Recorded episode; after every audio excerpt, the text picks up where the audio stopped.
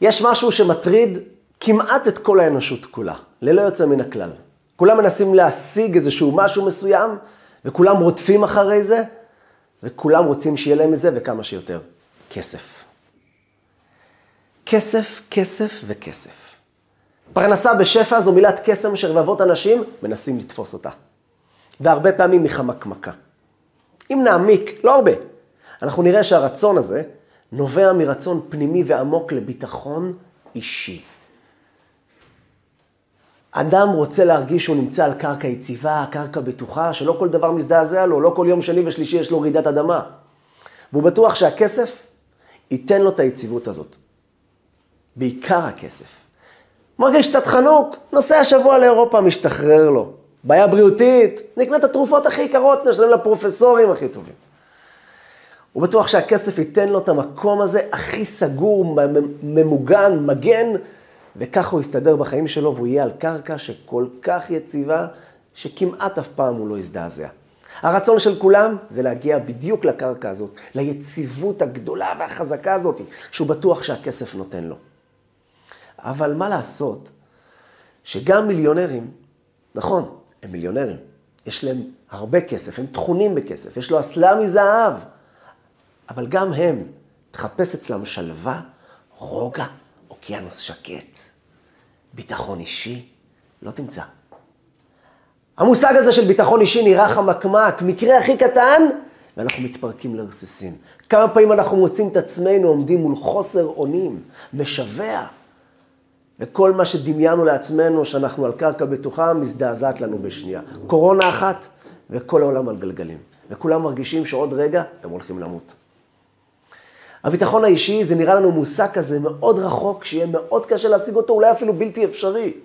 כי אנחנו מוצאים את עצמנו פעם אחר פעם, עם כל הכסף שאנחנו מנסים להשיג, אנחנו לא מצליחים להגיע אליו. או שאין לנו מספיק כסף שאנחנו מדמיינים שזה ייתן לנו את הדבר הזה, את הביטחון האישי הזה, או שהשגנו מספיק כסף כדי לרפד את עצמנו, אבל הביטחון האישי לא היה כלול בעסקה הזאת. נשארנו עם הרבה כסף בלי ביטחון אישי. עם הרבה נכסים, דרך אגב, מרבה דאגה. למה? למה הביטחון האישי הוא כל כך חמקמק?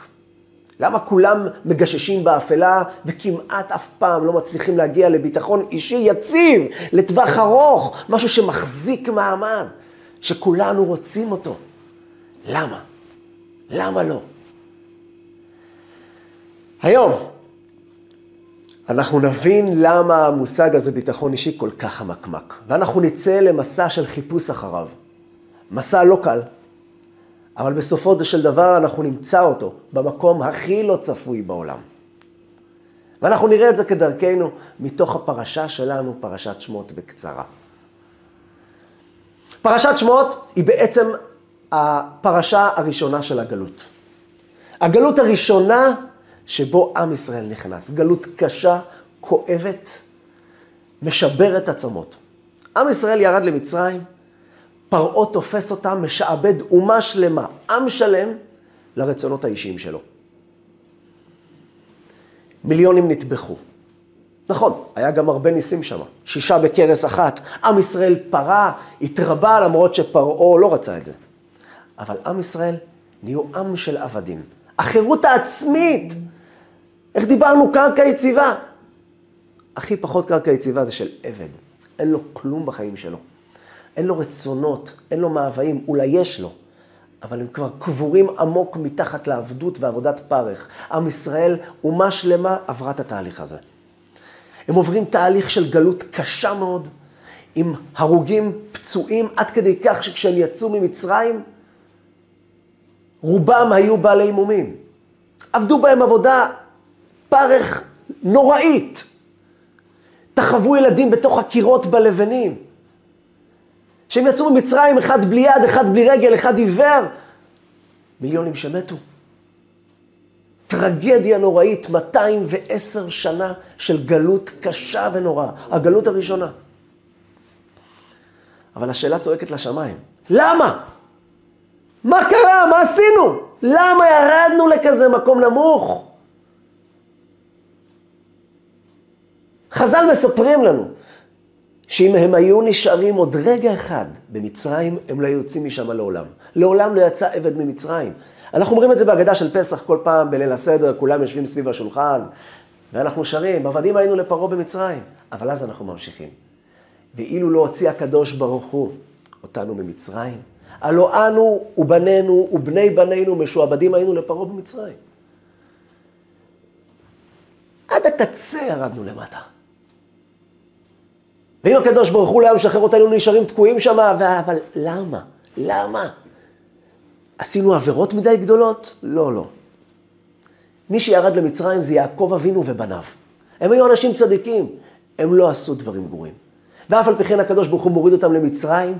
יוסף כבר יורד מראש למצרים כדי להכין את הקרקע, אומרים חכמים, לביאת עם ישראל, והוא ככה נהיה מלך, אמנם על ידי טרגדיה אחרת שהאחים שלו מכרו אותו, אבל בסוף הכל מגולגל כדי שעם ישראל יצליח להגיע למצרים בצורה מכובדת ולא ככה כמו איזה עלובים ונתקעים. אבל כשהם הגיעו לשם, תוך זמן קצר הם נהפכו לעם של עבדים. למה? למה זה קרה? ועונש זה ודאי לא, גם כי הצדיקים האלה ירדו, אבל גם בגלל בעוד סיבה מעניינת. עם ישראל ירד למצרים, זו הייתה הבטחה של בורא עולם לאברהם אבינו. אברהם אבינו, הקדוש ברוך הוא כרת איתו ברית. המאמין הראשון בעולם, אברהם אבינו, זה שפרסם את שמו של הקדוש ברוך הוא בכל העולם. הקדוש ברוך הוא כורת איתו ברית, ברית של אהבה. בברית הזאת, שנקראת ברית בין הבתרים, הקדוש ברוך הוא נגלה לאברהם ואומר לו, תדע לך, עכשיו בכיתת הברית, אני רוצה לספר לך משהו. דע לך, כי גר יהיה זרעך בארץ לא להם, הבנים שלך ירדו לארץ לא שלהם. ועבדום ועינו אותם ארבע מאות שנה. הולכים לענות אותם, והם יהיו עם של עבדים. אם זה עונש, אתם יכולים להסביר לי איך זה מתקשר לברית וקשר של אהבה בין אברהם לקדוש ברוך הוא? אם הקדוש ברוך הוא מבטיח לו את זה בברית בין הבתרים, סימן שיש פה אהבה, אהבה עמוקה וגדולה. את כל השאלה הזאת אנחנו שואלים גם את עצמנו. את הלמה הזה, מה שעם ישראל עבר במצרים, כל אחד על הקשיים שלו חווה את אותו תהליך בדיוק. למה? למה אני עובר את מה שאני עובר? למה אני מגיע כל כך הרבה לחוסר אונים? ריפדתי את עצמי, עשיתי כדי שזה יהיה לי טוב, אספתי מלא כסף, הצלחתי, לא הצלחתי. למה אני לא מצליח להגיע לשלווה הזאת, לביטחון האישי הזה? זה יכול להיות בפרנסה, וזה יכול להיות בחברים, זה יכול להיות כמעט בכל דבר. אדם רוצה חברים, למה הוא רוצה חברים? למה? בגלל שהוא ברצון שלו, במחשבה שלו, חברים זה הביטחון האישי שייתן לו. בסוף אין על חברים. הם יתמכו בך, הם יובילו אותך, הם ימלאו לך את החלל. אתה לא רוצה להרגיש בודד. כמה אנשים הרגישו בודדים בקורונה? אתם יודעים כמה אנשים כל כך מפחדים מהמציאות הזאת, של הבדידות, שהם ימצאו את עצמם יום אחד לבד, ואין מי שיעזור להם ויתמוך בהם? הם בטוחים שהחברים ייתן להם את הריפוד הזה של הביטחון האישי. ויכול להיות שהם מוקפים בחברים. תחפשו אצלם שלווה, תחפשו אצלם ביטחון אישי, לא תמצאו. לרגעים כן, חיים של ביטחון אישי, קרקע יציבה, לא, ממש לא. קורונה אחת וכולם מתפרקים. מקרה קטן של מישהו חולה, או איזה משהו שמתפרק לך בעסק, והכל מתפרק. אנחנו גם שואלים את עצמנו, למה? אנחנו מנסים להשיג את הביטחון האישי הזה, וגם אם כבר השגנו את מה שדמיינו שיעשה לנו ביטחון אישי, הביטחון האישי לא נמצא שם. הגלות של מצרים היא הגלות שלנו. אנחנו גם מנסים להבין מה עובר עלינו. למה אנחנו צריכים לעבור כזה תהליך? כולם. והביטחון האישי זה המניע של כולם. בואו נהיה אמיתיים. וזה לא משנה באיזה תחום אנחנו מדברים. אנשים מחפשים את הקרקע היציבה הזאת, וכל אחד מה שהוא חושב שזה יהיה הקרקע שלו. זה הפרנסה שאתה חושב שזה מה שיביא לך, וזה החברים, אבל זה יכול להיות גם הילדים, זה הזוגיות, זה, ה... זה הכבוד. אתה בטוח שאם יהיה לו כבוד גדול, הוא יהיה איזה שר, הוא יהיה איזשהו מנכ"ל, הוא יהיה... אה, ייתנו לו כבוד בכל מקום, זה הביטחון שייתן לו, זה העוצמות שהוא ישדר בחוץ, וזה מה שיחזיק אותו בשעת קושי, הקרקע היציבה הזאת. אבל גם אם הוא השיג את הכבוד הזה, קרקע יציבה, אין לו. הוא עדיין מלא דאגות, מלא חרדות, הוא לא נרדם בלילות. למה זה כל כך המקמק? ואל תגידו לי שחלק עוברים, חלק לא. אין דבר כזה. כל האנושות כולה, זה משותף לכולם. אין מי שלא חווה את החוסר אונים הזה. את החוסר הביטחון הזה מדי פעם. אף אחד לא יכול להגיד שיש לו ביטחון אישי כבר 30 שנה. 30 שנה, אין לו דאגות, אין לו חרדות, הוא נרדם, הוא נרדם כמו תינוק בלילה, קם כמו גבר בבוקר. מדהים, החיים שקטים, רגועים, אין לו קשיים והוא מרגיש אללה בבאללה. אין דבר כזה. כולם בסוף מתמודדים עם הדבר הזה. למה? וכולם מפחדים מהקושי הזה שישבור את הביטחון, וכולם בסוף מגיעים לקושי הזה ששובר להם את הביטחון האישי. מספרים על איזה אדם אחד שהוא חשב שלעולם הוא לא טועה. ככה הוא חשב, אני אף פעם לא טועה. שאלו אותו, תגיד לי, אדוני, אתה אף פעם לא טועה? איך יכול להיות מה אתה מלאך? אף פעם לא טעית.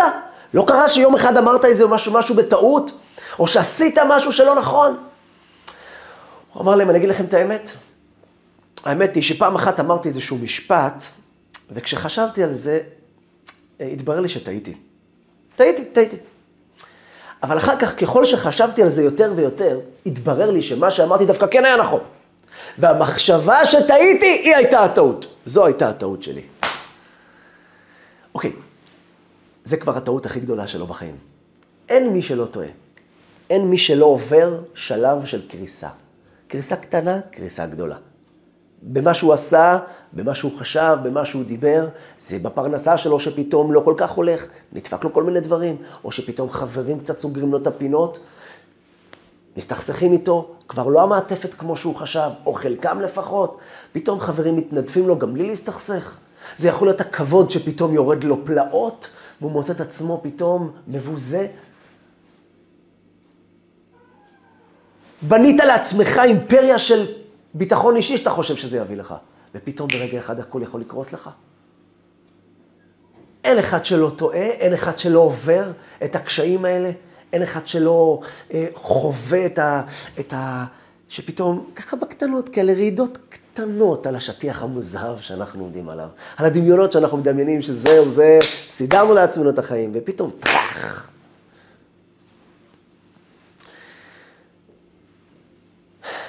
אבל, מצד שני יש פה נחמה עצומה. אם כולנו עוברים את זה, חייב, חייב להיות שמי שעשה את הדבר הזה, אלוקים שברא את כל האנושות הזאת, את כולנו, והוא מעביר את כולם את התהליך הזה. מהאדם הראשון עד היום לא נולד האדם המושלם, לא היה ולא יהיה. לעולם לא נהיה האדם שכל מה שהוא נגע נהיה זהב. אין אדם שכל מה שהוא אמר היה נכון, וכל מה שהוא עשה הצליח. כולם נתקלים בכישלונות. כולם נתקלים בחוסר אונים לפעמים. סימן שיש כאן תכלית. סימן שזה אהבה. אם כולנו חייבים לעבור את זה, לא נברח מזה. סימן שאלוקים רוצה כאן משהו. הוא לא מחפש שתברח לאיזה סרטון מחזק, שיגיד לך שאתה האמת שאתה כן מוצלח. האמת שאתה תותח. אם האמת שאתה תותח, אז למה הוא לא נתן למישהו אחד להראות לו שהוא באמת מושלם, עד הסוף, בגשמיות וברוחניות? כל אחד מתמודד, יש לך כסף, אין לך ילדים. יש לך ילדים וכסף, זוגיות. יש לך ילדים וכסף וזוגיות, חסר לך חברים. יש לך כסף וזוגיות, יש לך חרדות, יש לך דיכאונות. אם כולם צריכים לעבור את השלב הזה, זה אומר שיש כאן משהו. ואנחנו חייבים לעבור את התהליך הזה. ואת זה גם ראינו בשבוע שעבר, בשיעור הקודם. וזה גם אהבה, כי אם הקדוש ברוך הוא הבטיח לאברהם אבינו שכל האומה שלו, בברית בין הבתרים, בכריתת ברית נצחית של אהבה, הוא אומר לו, כולם הולכים לרדת למקום הזה. חייב להיות שיש כאן אהבה. יש כאן אהבה עצומה, שאולי אנחנו כרגע עדיין לא יודעים אותה. אבל יש כאן אהבה. ואת התהליך הזה כולנו צריכים לעבור. למה? אז בואו נצלול. אנחנו הולכים לגלות משהו מדהים, מהפכני, מהפכני חד משמעי. אבל זה מסע שתעברו איתי עכשיו כמה דקות, אנחנו נגיע לתובנה מדהימה. צללנו. בורא ברא את כל העולם. יש כאן מיליארד, טריליון, לא יודע כמה פריטים בעולם. לא רק אנשים, אבנים, עצים, חול, חיות, עופות, דגים, ימים, נהרות, הרים ובקעות. הוא ברא אין ספור פרטים. גם באנשים, הוא ברא אין ספור אנשים כמעט. שמונה מיליארד אנשים. הוא ברא את כל הדבר הזה. למה? בעצם, מה אתה, מה את מיוחדים כל כך? כמה פעמים אנשים מרגישים חוסר זהות? בסדר. לידי כל כך הרבה פריטים, כל כך הרבה אנשים, אנשים היו לפניי, אנשים יהיו אחריי, יש פה איזה משהו 70, 80, 100 שנה, ואחר כך אני בקבר. כאילו, מה הזהות שלי? מה אני? למה נולדתי לפה? מה, יש פה איזה משהו מכוון, כזה עולם מורכב. וואו, מה, מה בסוף? תן לי נקודה שתגיד לי, תשמע, זה הנקודה. זה הנקודה שמי שברא את הכל רוצה אותה. מה זה? אז תראו. אלוקים ברא את כל העולם הזה, ואת כל הפרטים שעליו, על אין ספור פרטיו, תכונותיו, הגדרותיו, כל מה שכולם עוברים, מה שלא עוברים, אנשים שהיו, אנשים שיהיו, מיליארדים שהיו, בניינים שנחרבו, בניינים נבנו, מגדלים קרסו וחלליות עפו לשמיים וחלקם חזרו וחלקם לא. יש כאן נקודה שסביבה סובב כל הציר הזה.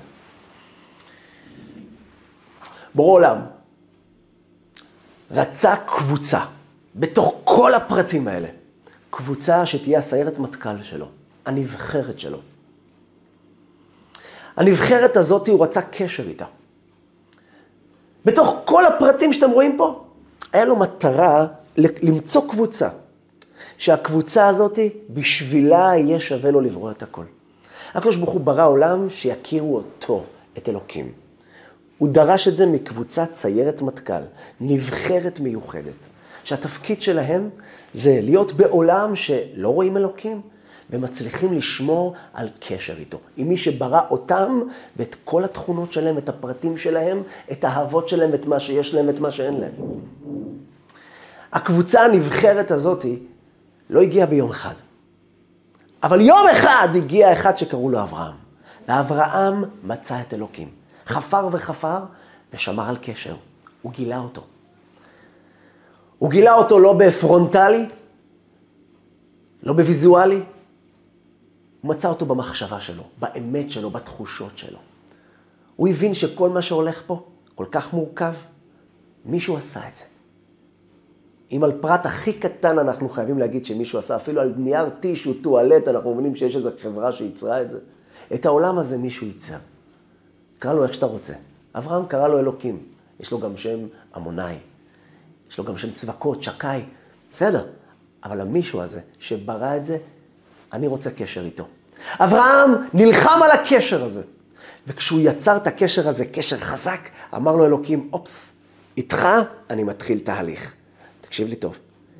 איתך אני מתחיל משהו, עם, קבוצה, שאותה אני רוצה. אברהם אבינו הוליד את יצחק, יצחק הוליד את יעקב, ואז אנחנו. אנחנו, בתוך כל הגלובוס הזה, אנחנו נמצאים באזור ה-15-16 מיליון. בעולם יש 8 מיליארד, אנחנו פחות מרבע אחוז.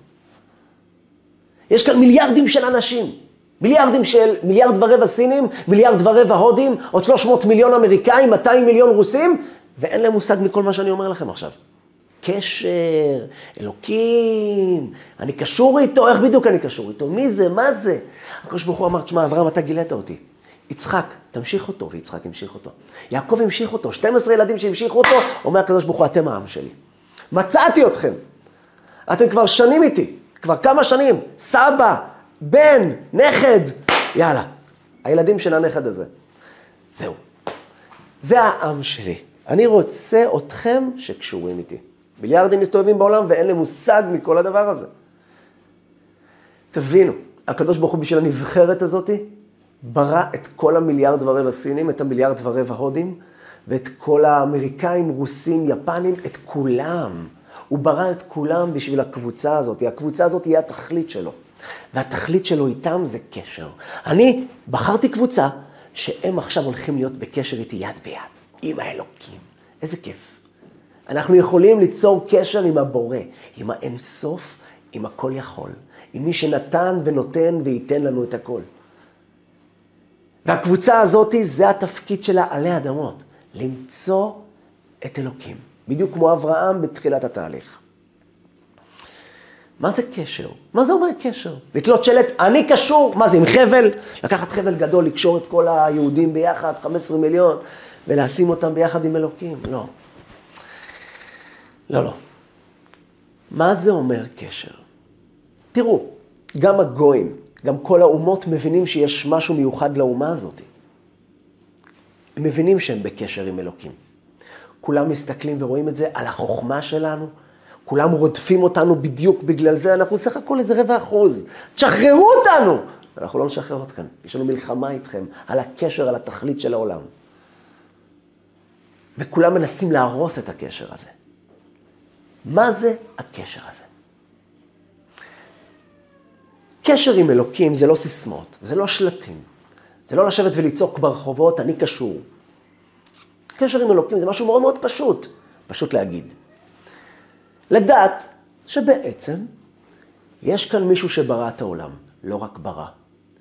הוא כאן כרגע מנהל אותך, את ההצלחות שלך, את הכישלונות שלך, את החיים שלך, את המחשבות שלך, את הרצונות שלך. הכל, הכל כולל הכל, כל המעטפת שלך. זה אלוקים. אין עוד מלבדו. אין אדם נוקף אצבע מלמטה עד שמכריזים עליו מלמעלה. זה קשר. הרי הקדוש ברוך הוא לא מתכתב איתנו בוואטסאפ, הוא לא יום אחד מרים לנו טלפון ואומר, היי, יעקב, אני צריך לדבר איתך. לא. אני צריך למצוא את הקשר הזה. בור עולם עוזר לי, אבל הקשר הזה הוא קשר שמתחיל מהלב, מהכרה, מהבנה. שרק אלוקים עושה את הכל. שהכל זה הוא. כל מה שאני עושה, כל מה שאני מצליח, נופל, עולה, יורד, זה שלו. הפרנסה שלי, הילדים שלי, הזוגיות שלי, הבניין שלי, החיים שלי, הנשימות שלי, זה הוא. זה פשוט קשר, קשר פשוט. זה קשר של הכרה, של הבנה, של לב. להבין שבעצם אני ואלוקים קשורים אחד עם השני. הוא נותן לי את הכל. ואת הקשר הזה, רק העם הנבחר יכול להגיע להכרה המוחלטת בזה. והקדוש ברוך הוא אומר, בחרתי אתכם, אתם תהיו לי. איך נוצר הקשר הזה? הבנתי, מה זה קשר? איך אני אגיע להכרה אמיתית בזה? מה, סתם עוד פעם לדבר על זה, להגיד, שמע, אני קשור, הכל זה אלוקים. בוא, אנחנו לא חיים ככה. בוא נהיה אמיתיים רגע. יש מישהו שבאמת חושב שהוא כלום, זהו, אלוקים עושה לה הכל, אה, תשחרר, הוא קצת עוזר מדי פעם. אומרים שהיה בן אדם שהיה מצליח, היה אומר שבסייעתא דשמיא הצלחתי. השם סייע בידי. אבל מה אומרים כשהכול התפקשש? כולו מנהלה, הכל משמיים. זה כבר רק אלוקים עשה. לא. איך אני מגיע להכרה אמיתית? לא בסיסמאות, לא, בש... לא במשפטים. שזה לא אתה. מה לא אני? אם לא הייתי חופר פה שבועיים, פה חרשתי את הארץ כדי להשיג את העסקה הזאת, לא היה מגיע עסקה. העורך דין זה שעשה, השופט הוא זה שעשה. צה"ל ינצח. מה, אתה רציני? לנו את הטיל הזה ואת הזה, כיפת ברזל, מה אתה מדבר? העולם צועק אחרת. העולם צועק שכל מה שקורה מסביב קורה מעצמו. והשם בכוונה עשה את זה. כי הרי התכלית הוא, אחרת כל הגויים יכולים להיות כאלה. השם רוצה שאתה תגלה את האלוקים. אתה תמצא את הקשר הזה. אתה תגלה את אלוקים בתוך הסיפור הזה. נכון, ברור. עלינו להודות לכל מי שהציל ועשה, לעורך דין אנחנו צריכים להודות. אנחנו צריכים להודות לחיילים המתוקים שלנו. אנחנו צריכים להודות ל, לכל מי שעזר לנו בחיים שלנו. ברור, מה השאלה בכלל? אבל יש אלוקים מאחורה? אתה לא רואה אותו. איך אני מצליח להגיע להכרה הזאת שהכל הוא נמצא מאחורה? זה לא סיסמאות, אני חייב להכיר את זה. שימו לב לתהליך. אחרי שהבנו שהתכלית היא נבחרת אחת, והתכלית של הנבחרת הזאת היא קשר, איך עושים את הקשר? איך אני יודע את כל מה שאמרנו, שקשר זה, שאני יודע שהכל זה הוא? תדעו. אדם שמאז שהוא נולד, עד יום שהוא הולך לקבר, כל מה שהוא נגע בו היה זהב. כל מה שהוא עשה הצליח, כל מה שהוא אמר היה נכון. הוא יפה תואר, יפה מראה, חכם וגיבור ועשיר.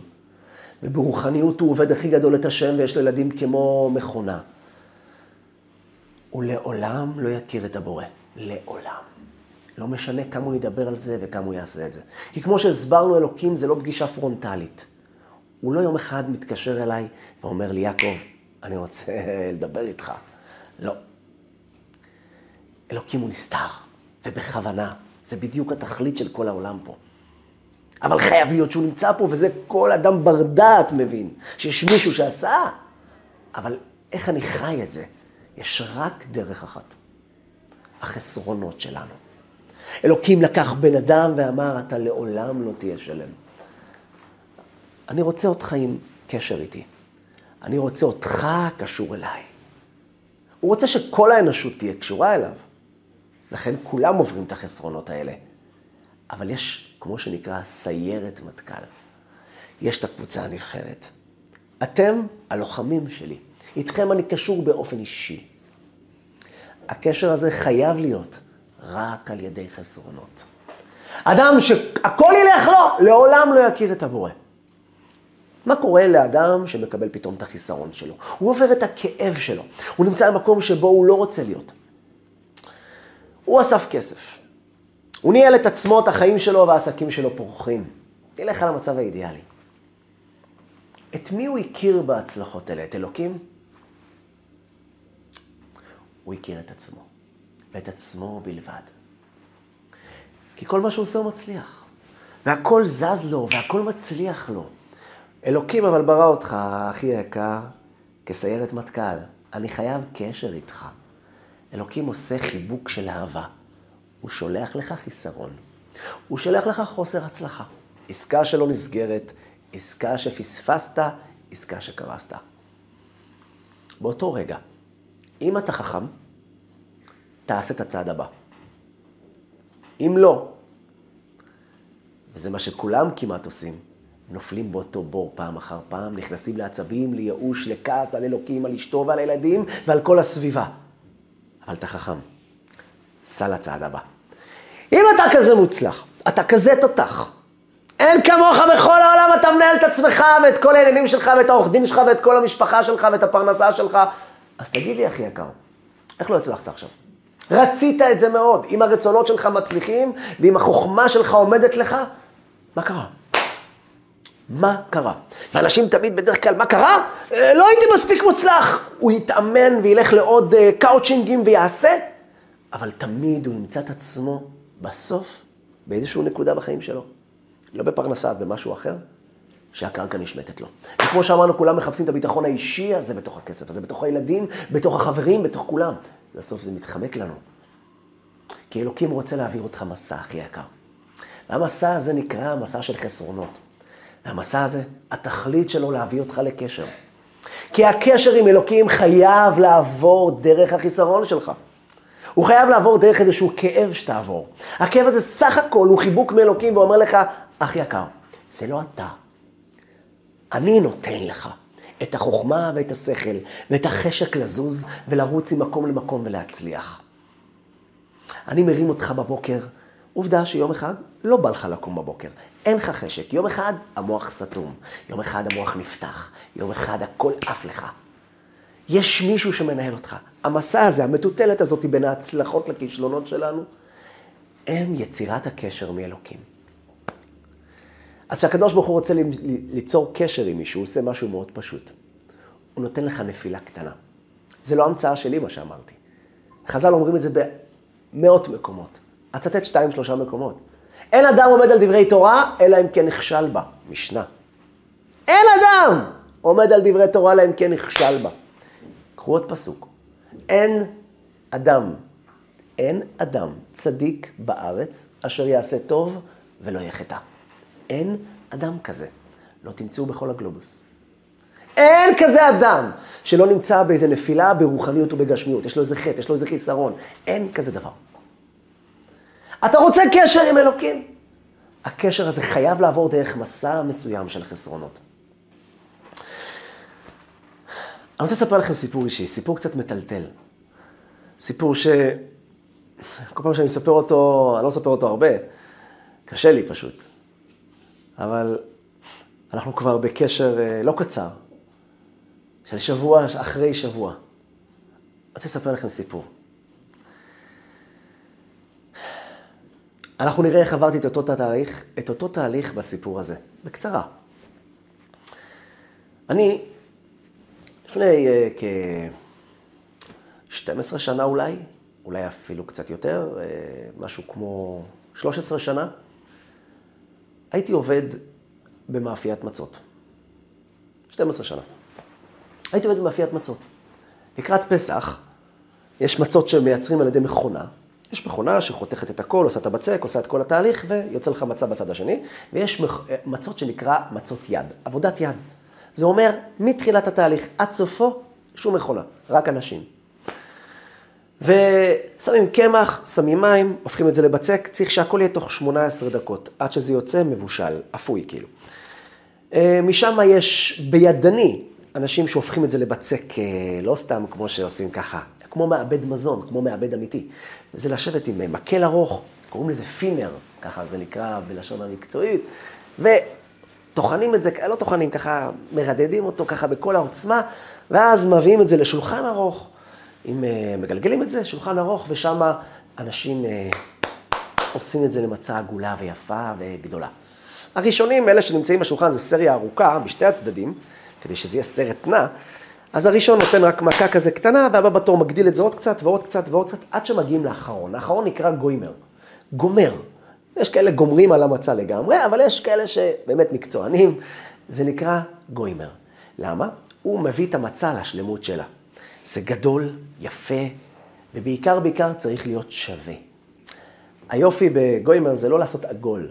זה הרבה אנשים יודעים לעשות. גם אם זה יוצא מרובע זה כשר, זה בסדר גמור. מה שצריך שזה יהיה שווה לכל אורכו, ויש לך שניות לעשות את זה. כל המצה צריכה להיות שווה בעובייה, כי היא הולכת לקבל מכת חום עצומה בתנור, ושם אין הרבה זמן שהיא הולכת להיות, כמה שניות. ואם חלק יהיה עבה, חלק אה, פחות, חלק אחד יישרף, חלק אחד עוד לא יהיה אפוי. מצה חייבת להיות אפויה ב-100%, כדי שלא יישאר נקודה אחת של בצק. חמץ אסור בכלל בפסח. אני תקופות עבדתי אחד ליד הגוימר. הגוימר הזה זה המקצוען, אני לא הייתי כזה, הייתי אחד לפניו, שהוא גם צריך להיות מקצועי. בגלל שבסוף בסוף, אם אתה מביא לו את המצה שלך הרוסה, אין לו מה לעשות איתה כבר, הוא צריך לפרק אותה להתחיל מההתחלה. אז זה שלפני הגוימר וגם איזה אחד, שתיים לפני זה, צריכים להיות אנשים שלפחות יודעים. לא, פחות או יותר, זה שליד הגוימר בכלל. ועשיתי מזה כסף טוב, עבדתי בזה כמה שנים.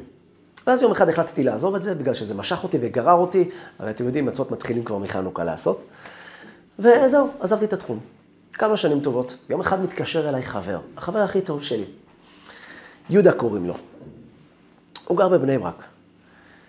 והוא אומר לי, אה, יעקב, אה, אני פותח חבורה, חבורה זה אומר קבוצה, חבורה, שאנחנו עושים מצות עבודת יד. כל אחד, בדרך כלל זה התארגנויות של קבוצות, לפעמים גם לא, אבל יש גם התארגנויות קבוצות אישיות, ויש מאפיות מצות בבני ברק, בירושלים, כל מיני מקומות פרטיים שעובדים בדיוק בשביל הזמנים האלה. מצות בשביל בני החבורה עצמה, לכל משפחותיהם ועוד אנשים. אז אה, הוא אומר, תשמע, ארגנו קבוצה, קבוצה חשובה, אה, אנשים חשובים. אה, אני לא יודע, אבל הטילו עליי את המשימה, אין לי מושג איך עושים את זה. אני יודע שאתה עבדת בזה כמה שנים. יש מצב שאתה יכול לעבוד אחד ליד הגוימר? אמרתי לו, תשמע, יהודה, אני אוהב אותך, אבל אני לא רוצה לעבוד בזה. החלטתי לעזוב את זה כי זה גורר אותי, יש לי תחומים אחרים. אמרו לי, בבקשה, יעקב, אני באמת לא יודע מה לעשות, אתה תוכל לבוא. אחרי עכשיו אמרתי לו, אתה יודע מה, יודע, בשם החברות, באמת, חברים כבר 17 שנה. אז אמרתי לו, יאללה, אני איתך. בסדר, יאללה, נבוא, אבל חד פעמי. כמובן, נפרץ כבר הסכר באותו יום רביעי, זה היה ביום שני, החבורה הייתה צריכה להיות ביום שני, קבעתי את החבורה גם ליום רביעי. חבורה אחרת שהתקשרו וגיששו, בדרך כלל אני אומר לא, ופתאום אמרתי, יאללה, כן, כבר סגרתי אחד, יאללה, עוד אחד על הדרך, זה גם כסף טוב. ואז כמה ימים לפני זה הוא מתקשר אל היהודה ואומר לי, תקשיב, אני אגיד לך את האמת, תראה, כל המצב פה, אני לא יודע בכלל לארגן את כל הדבר הזה. יש מצב שאתה מגיע שעתיים לפני זה, ופשוט מארגן לי את, ה... את האנשים, מי יעמוד איפה, כי אתה יודע מה, איפה כל אחד, תראה מי מתאים לעשות את הרדידה, צריך מישהו ככה, אה, גופה גדולה, שרירים קצת, וזה שעושה את הבצק צריך להיות מהיר מאוד, וזה שמוציא מהאש, עבודה לא פשוטה בכלל, גם להכניס, גם להוציא, לדעת כל מצב בדיוק את השלב שלה. אז כמובן, יש לנו אנשים מקצוענים שעושים את הדברים האלה, אבל יתר האנשים, אין לנו מושג כל כך איפה כל אחד. יש מצב שאתה מגיע לפני זה, מארגן לי. הרגשתי מאוד חשוב, חבורה חשובה, אנשים חשובים, הגעתי שם שעתיים לפני. אני מגיע שעתיים לפני, אני ככה מארגן את האנשים, אומר לכל אחד איפה הוא צריך לעמוד, אתה תעמוד כאן, אתה תעמוד כאן, מסתכל על הידיים של כל אחד, וככה מחליט ככה לפי ההבנה שלי, שואל כל אחד כמה שנים עבדת בזה, טה-טה-טה, הרגשתי מאוד אה, בוס כזה, באמת. נחמד מאוד. ו... אוקיי. קמח! יש חדר קמח. בשנייה שצועקים את זה, ההוא מהקמח מגיע, שופך ספל ככה בעדינות לתוך הקערה.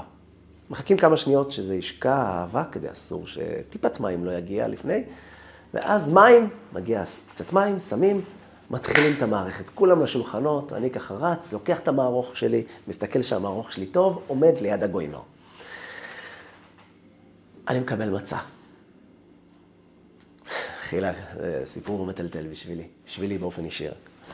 אני לוקח את המצה, אני דופק עליה, מנסה לפתוח עם המערוך שלי, ומרגיש שפשוט אין לי את זה. אין לי את זה, טאץ', טאץ' ביד, אני לא צריך יותר ממכה שתיים להבין, אין לי את זה. אני מנסה עוד מכה כזה, מנסה לפתוח את המצה, אתה צריך לפתוח אותה. אין זמן, אתה אחד ליד הגוימר, אתה לא יכול לשחק בקטנות, להשאיר את זה איזה עיגולון קטן. אתה צריך לפרוס לו אותה, להכין אותה גם שווה, גם גדולה, והוא יעשה את ה finish הגדול. אין לי, אני לא מצליח. לא קלטתי לאיזה בור אני נכנס. אני אה, ככה מנסה עוד פעם, קולט שאין לי, לא שווה, נקרא לי. עזבו את הצורה, המשולש, מעוין יצא לי.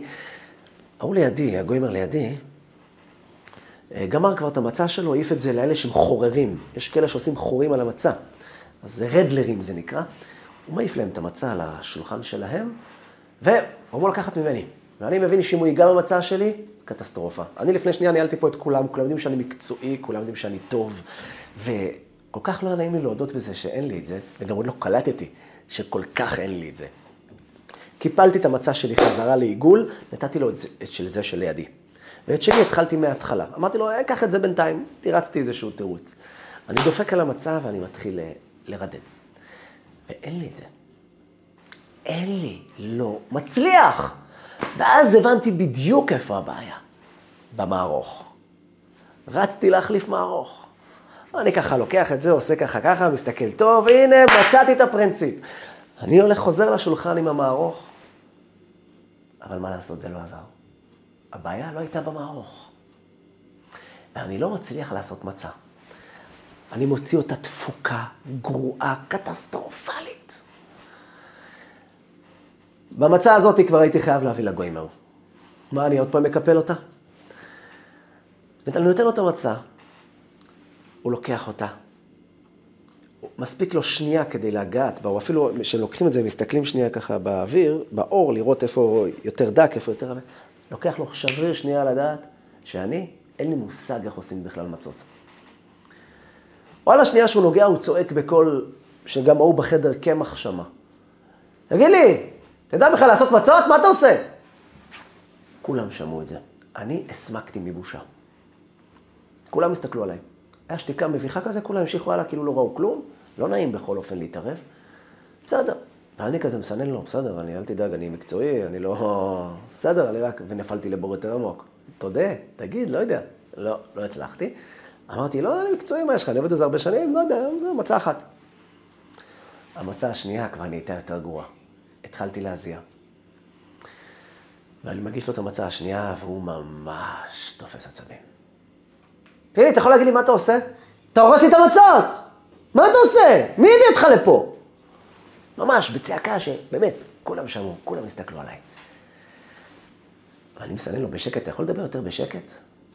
מחילה, אתה מבייש אותי. הוא אומר לי, מה זאת אומרת לא לדבר בשקט? אתה הורס פה לאנשים את המצות, אנשים פה שילמו מלא כסף, תראה מה אתה עושה.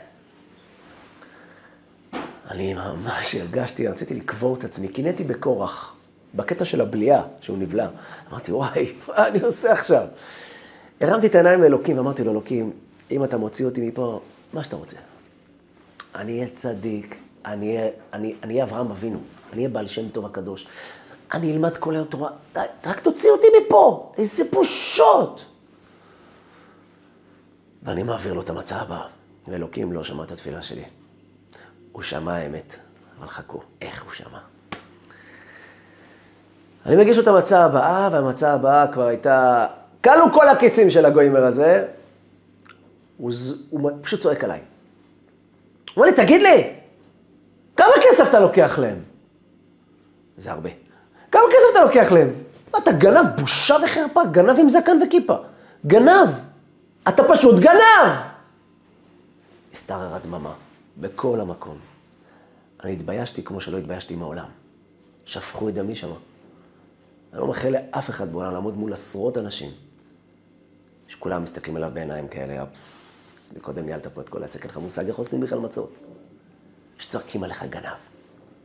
ואנשים חשובים, אנשים שאתה מעריך אותם. היחיד, חבר אמת, יהודה, הגיע מאחוריי, טפח לי על השכם, אמר לי, יעקב, אל תדאג, הכל בסדר, תמשיך, הכל טוב. אמרתי לו, איזה טוב, אני מסנן לו. איזה טוב, תראה מה קורה לי פה, תראה מה אני עושה פה, על מה אתה מדבר, מה טוב? במצע הבאה שהבאתי לו, הגוימר זרק את המערוך שלו על השולחן והודיע לכולם, חבר'ה, או אני או הוא. אם הוא נמצא פה, אני לא עובד. וכמובן, ביני לבינו מי עדיף? ההוא שהורס את המצות או ההוא שמצליח? הוא נעצר, וכל החבורה הפסיקה. תבינו, אין מצות. כולם עומדים בצד, מחכים לראות מה אני אעשה או מה הוא יעשה. ואני רוצה רק לברוח מכאן. יהודה, החבר האמת שלי, מגיע ואומר לי, יעקב, יש לך מישהו על העמדה שלך שאתה מכיר שתביא ככה מהרגע להרגע? אמרתי לו, וואי, קפצתי על המציא, אמרתי לו, כן, יש לי איזה מישהו, אני מתקשר. והבן אדם הזה עונה לי, והוא אומר לי שהוא לא יכול להגיע, ואני מתחנן אליו, אני אומר לו, אני אשלם לך כפול מהמחיר. אני אשלם לך כמו גוימר, אני אשלם לך כפול מגוימר, רק תבוא לפה. הוא אומר לי, מה קרה, יעקב? סיפרתי לו את מה שאני עובר בשתי מילים. הוא אומר לי, עכשיו אני מגיע. תוך רבע שעה הוא הגיע, ואני תפסתי את הרגליים, נכנסתי לרכב, הדלקתי סיגריה, ויצאתי מהעיר. זה היה במאפייה בבני ברק, דרך אגב. אני יוצא מבני ברק לכיוון כביש מכבית, שאז הייתה כביש חדש, ככה בדיוק אה, גמרו לסלול אותה, גמרו לעשות אותה, פחות או יותר בשלב הזה. כביש מכבית, ריק. אני יוצא מהעיר בלי יעד, בלי שום מקום, רק פשוט רוצה לקבור את עצמי. והתקשרתי לאנשים שיחזקו אותי. הבנתי שהדרך שלי לצאת מפה, מכל מה שעברתי עכשיו, מהטלטלה הזאת, זה פשוט אנשים שיעזרו לי להתרומם, לחזק אותי, לדבר איתי בצורה ככה שתחזק אותי טוב, ויגיד לי, איך אומרים, מילות חיזוק ואמונה, ואני מתקשר ואף אחד לא עונה לי.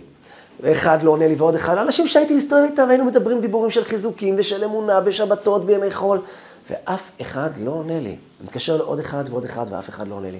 אז תפסתי עצבים ופשוט הרמתי, אמרתי, ריבונות של עולם, גם את הנחמה אתה לא נותן לי. תראה מה עברתי עכשיו, תן לי איזה נחמה, תן לי מישהו שיענה לי. ואף אחד לא עונה. ואז התקשרתי לעוד אחד, שהייתי בקשר איתו די התחלתי, אבל אדם מיוחד, אדם מיוחד. לא יודע אם הוא רוצה שאני אגיד את שמו. אבל אה, את השם הפרטי אולי, כן? קראו לו יצחוק אייזיק, רבי יצחק אייזיק. חבר, יהודי מיוחד שעובר ועבר הרבה בחיים שלו. אבל יהודי מיוחד, עובד השם באמת. והתקשרתי אליו, והוא כן ענה לי. ואני ככה אומר, הוא אומר לי, או, יעקב, מה נשמע? אמרתי לו, ברוך השם. ואז אמרתי לו בדיוק מה נשמע גם ככה, איך אומרים, ברחל בתך הקטנה, סיפרתי לו את כל הטלטלה שאני עובר עכשיו. ואני אומר לו, בצורה כזאת, אני חייב שתחזק אותי. אני שבור ורצוץ, תן לי, תן לי איזה מילה. ואז הוא אומר לי, יעקב, אני לא מבין אותך. אם אתה לא יודע להחזיק מערוך, אז למה אתה עובד בזה? אני הייתי בהלם. חשבתי שהוא לא הבין את מה סיפרתי לו, אמרתי לו, יצחוק איזק, הסברתי לך, אני עבדתי בזה כמה שנים. אני דווקא תותח בזה, אני טוב בזה. סך הכל קרה פה איזה פדיחה, אבל אני לא יודע איך לצאת מזה, אני מאמין שבטח הכל לטובה, בטח אה, מה שהשם עושה, הכל טובה עושה, ואמונה. הוא אומר לי, אוקיי, אני לא יודע מה אתה מספר לי, מחילה, עבדת בזה, לא עבדת, לא יודע, סיפרתי לך, עשית משולשים, עשית מרובעים, אה, לא יודע, כאילו, אז באמת אני שואל אותך, למה אתה מחזיק מערוך אם זה התוצאות של מה שאתה עושה? כמובן, היינו בקשר מספיק טוב כדי שיגיד לי את המשפט הזה, אבל חכו. אני הייתי, ממש התעצבנתי גם עליו. קודם התעצבנתי על הקדוש ברוך הוא, על אלוקים, מה אתה עושה לי? ועכשיו אני התעצבנתי על החבר, אומר לו, תגיד לי, צחוק איזה, אני התקשרתי לך כדי שתעודד אותי, אתה זורה לי מלך על הפצעים ומסביר לי שאני אפס? מה יש לך? אני רוצה שתעזור לי. הוא אמר לי, אני עוזר לך, יעקב. אמרתי לו, אתה לא עוזר לי, אתה רק קובר אותי יותר עמוק ועוד מוודא הריגה. הוא אמר לי, לא, יעקב, אני עוזר לך, אני אסביר לך. הוא אומר לי, תבין, כל עוד שלא תאמין ותדע שאתה לא יודע להחזיק מערוך, ואלוקים יודע להחזיק לך מערוך, אז מדי פעם יראו לך את זה. מדי פעם בחיים שלך אתה תקבל את המכה. לא עונש, חיבוק מאלוקים. הוא רוצה את הקשר איתך. הוא ברא אותך בסיירת מטכ"ל הזאת. אתה הקבוצה הנבחרת של האהבה הזאת. אתה חייב לעבור את התהליך הזה. עבדת בזה ארבע שנים? אלוקים יודע להחזיק לך את המערוך. עוד שלא תדע שאתה לא יודע להחזיק מערוך, לעולם לא תדע להחזיק מערוך באמת, לנצח. תמיד יראו לך שאתה לא יודע. וכך הוא הסביר לי את התהליך שאמרתי לכם. והוא ציטט לי שפת אמת. שפת אמת. היה צדיק שחי לפני כ-150 שנה בערך. סבו היה הבעל החידושי ערים, רבי יצחק מאיר מגור. שתיהם היו אדמו"רים מגור לפני כ-150 וכ-180 שנה, במקביל. זה היה סבא, זה היה הנכד. יש לו ספר שנקרא שפת אמת על התורה. ושם הוא כותב משפט מדהים, משפט שהפך לי את החיים. הוא אמר לי כך, הוא ציטט לי מהשפת אמת. השפת אמת מדבר בפרשת וארא, שנת תרל"א. אז הוא אמר את התורה הזאת, זה מחולק שם לפי שנים. הוא אומר את המשפט הבא. אני חושב שהמשפט הזה שאני אומר לכם עכשיו, צריך להיות כותרת בכל בית יהודי, ליד המזוזה. כמו שיש בכל בית מזוזה, הכותרת הזאת. הוא אמר לו כך. הוא מדבר שם על גלות מצרים, שבעצם למה ירדו למצרים, מה שאנחנו דיברנו היום. הוא מדבר שכל הטעם לירידת מצרים הוא התהליך שאמרתי לכם. יצירת הקשר, והדרך שלנו להכיר את הקשר הזה, ליצור את הקשר הזה, הוא דרך החסרונות. ואז הוא אומר את המשפט הבא. ושמעתי מאדוני אבי זקני, שמעתי מסבא שלי. סבא, החידושי ערים, קדוש עולם. שהוא אמר כך, שמעתי מאדוני אבי זקני, שאם היה אדם יודע באמת, שאם היה אדם יודע באמת שהכל מאיתו יתברך, לא היו מסתירים לו כלל. הוא לא היה חווה שום הסתרות בחיים שלו.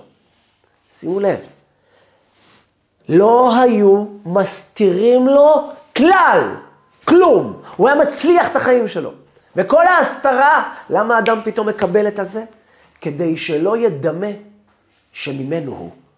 כדי שלא תדמיין שאתה עושה את זה. אנחנו רוצים קשר, אומר בורא עולם. שימו לב, דיברנו כל כך הרבה על ביטחון אישי. כולם רצים אחרי כל כך הרבה דברים כדי לקבל את הביטחון האישי הזה, את הקרקע היציבה הזאת.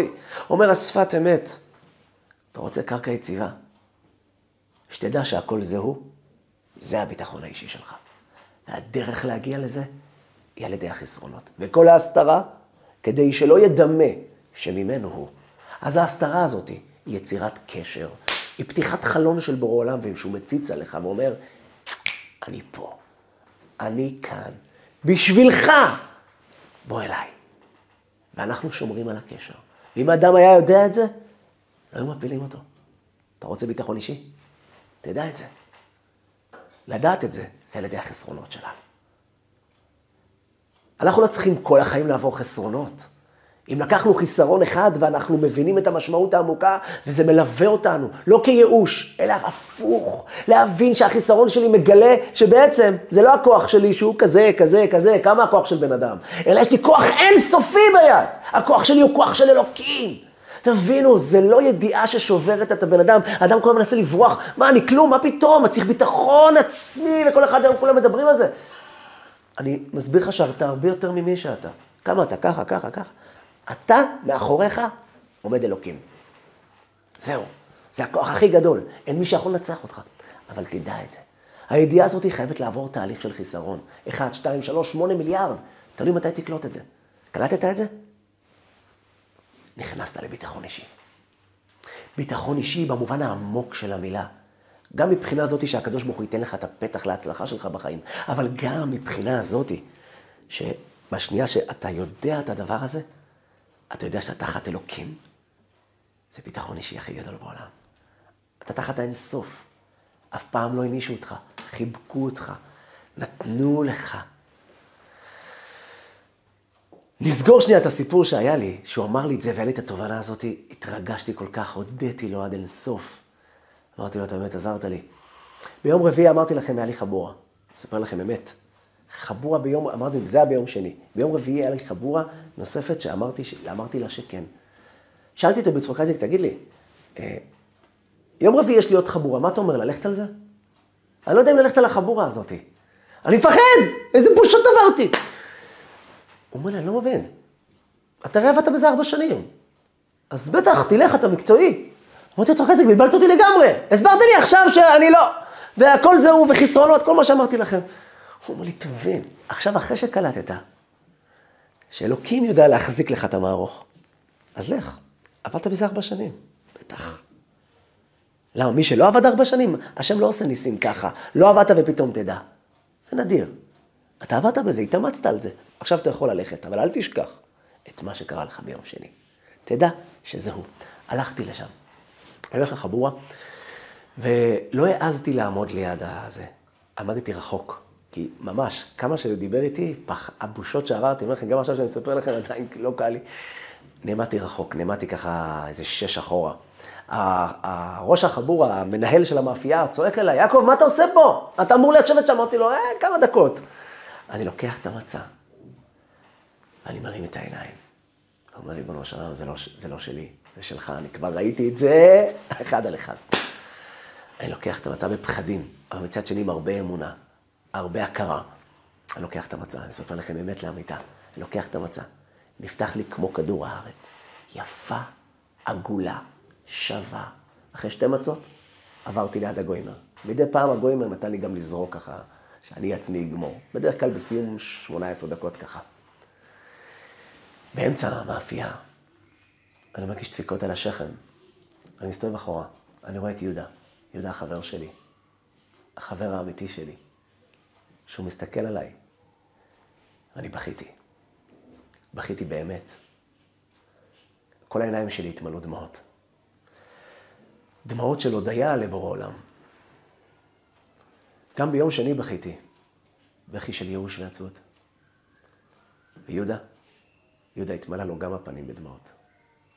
כי אני סיפרתי לו את התהליך, וסיפרתי לו שאני הולך ביום רביעי, וסיפרתי לו את כל מה שיצחוק אייזק אמר לי. את התהליך הזה אני רוצה שגם אתם תדעו. זה התהליך של גלות מצרים. גלות מצרים, הם ירדו למטה, כדי שמתי שהם יצאו משם, הם ידעו שאלוקים הוא זה שמנהל אותם. הם ירדו למקום הכי נמוך, הכי למטה.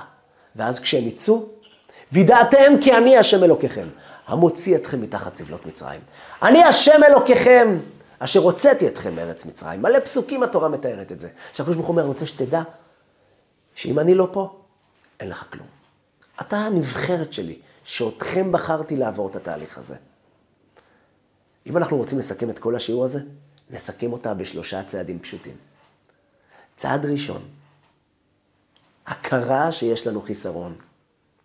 ואם יש לנו חיסרון וכל הגלובוס עובר את זה, זה תהליך שאנחנו צריכים לעבור לא לברוח מזה לסרטונים מחזקים, לא לברוח מזה לכל מיני משפטים, זה בסדר גם לקבל חיזוקים, בסדר גם שיעודדו אותנו, אבל לא לשכוח מהתהליך עצמו. יש לך תהליך שאתה חייב לעבור. שלב א'. שלב ב', אתה נבחרת של הסיירת מטכ"ל, שבחרו אותך לשמור על קשר עם אלוקים. יש סינים, יש הודים, יש אמריקאים, יש רוסים, יש עולם, יש דומם, יש צומח, יש חי, יש מדבר, עופות ודגים, הרים ובקעות, ימים ונהרות, בחרו בך. אתה התפקיד לשמירת הקשר עם אלוקים. לשמירת הקשר עם אלוקים, וזה הצד השלישי, הוא רק על ידי החסרונות. החסרונות מגלים לך את הסיפור של אלוקים בעולם. אז בהצלחה לכם, בדרך החדשה, המדהימה הזאת, מצאנו את הביטחון האישי, במקום הכי לא צפוי, בתוך החסרונות שלנו. נחזור על המשפט. שמעתי מאדוני אבי זקני, אומר השפת אמת בשם סבו שהוא שמע מסבו החידושי ערים בעצמו. שאם היה אדם יודע באמת שהכל מאיתו יתברך, לא היו מסתירים לו כלל. וכל ההסתרה, כדי שלא ידמה שממנו הוא. בהצלחה.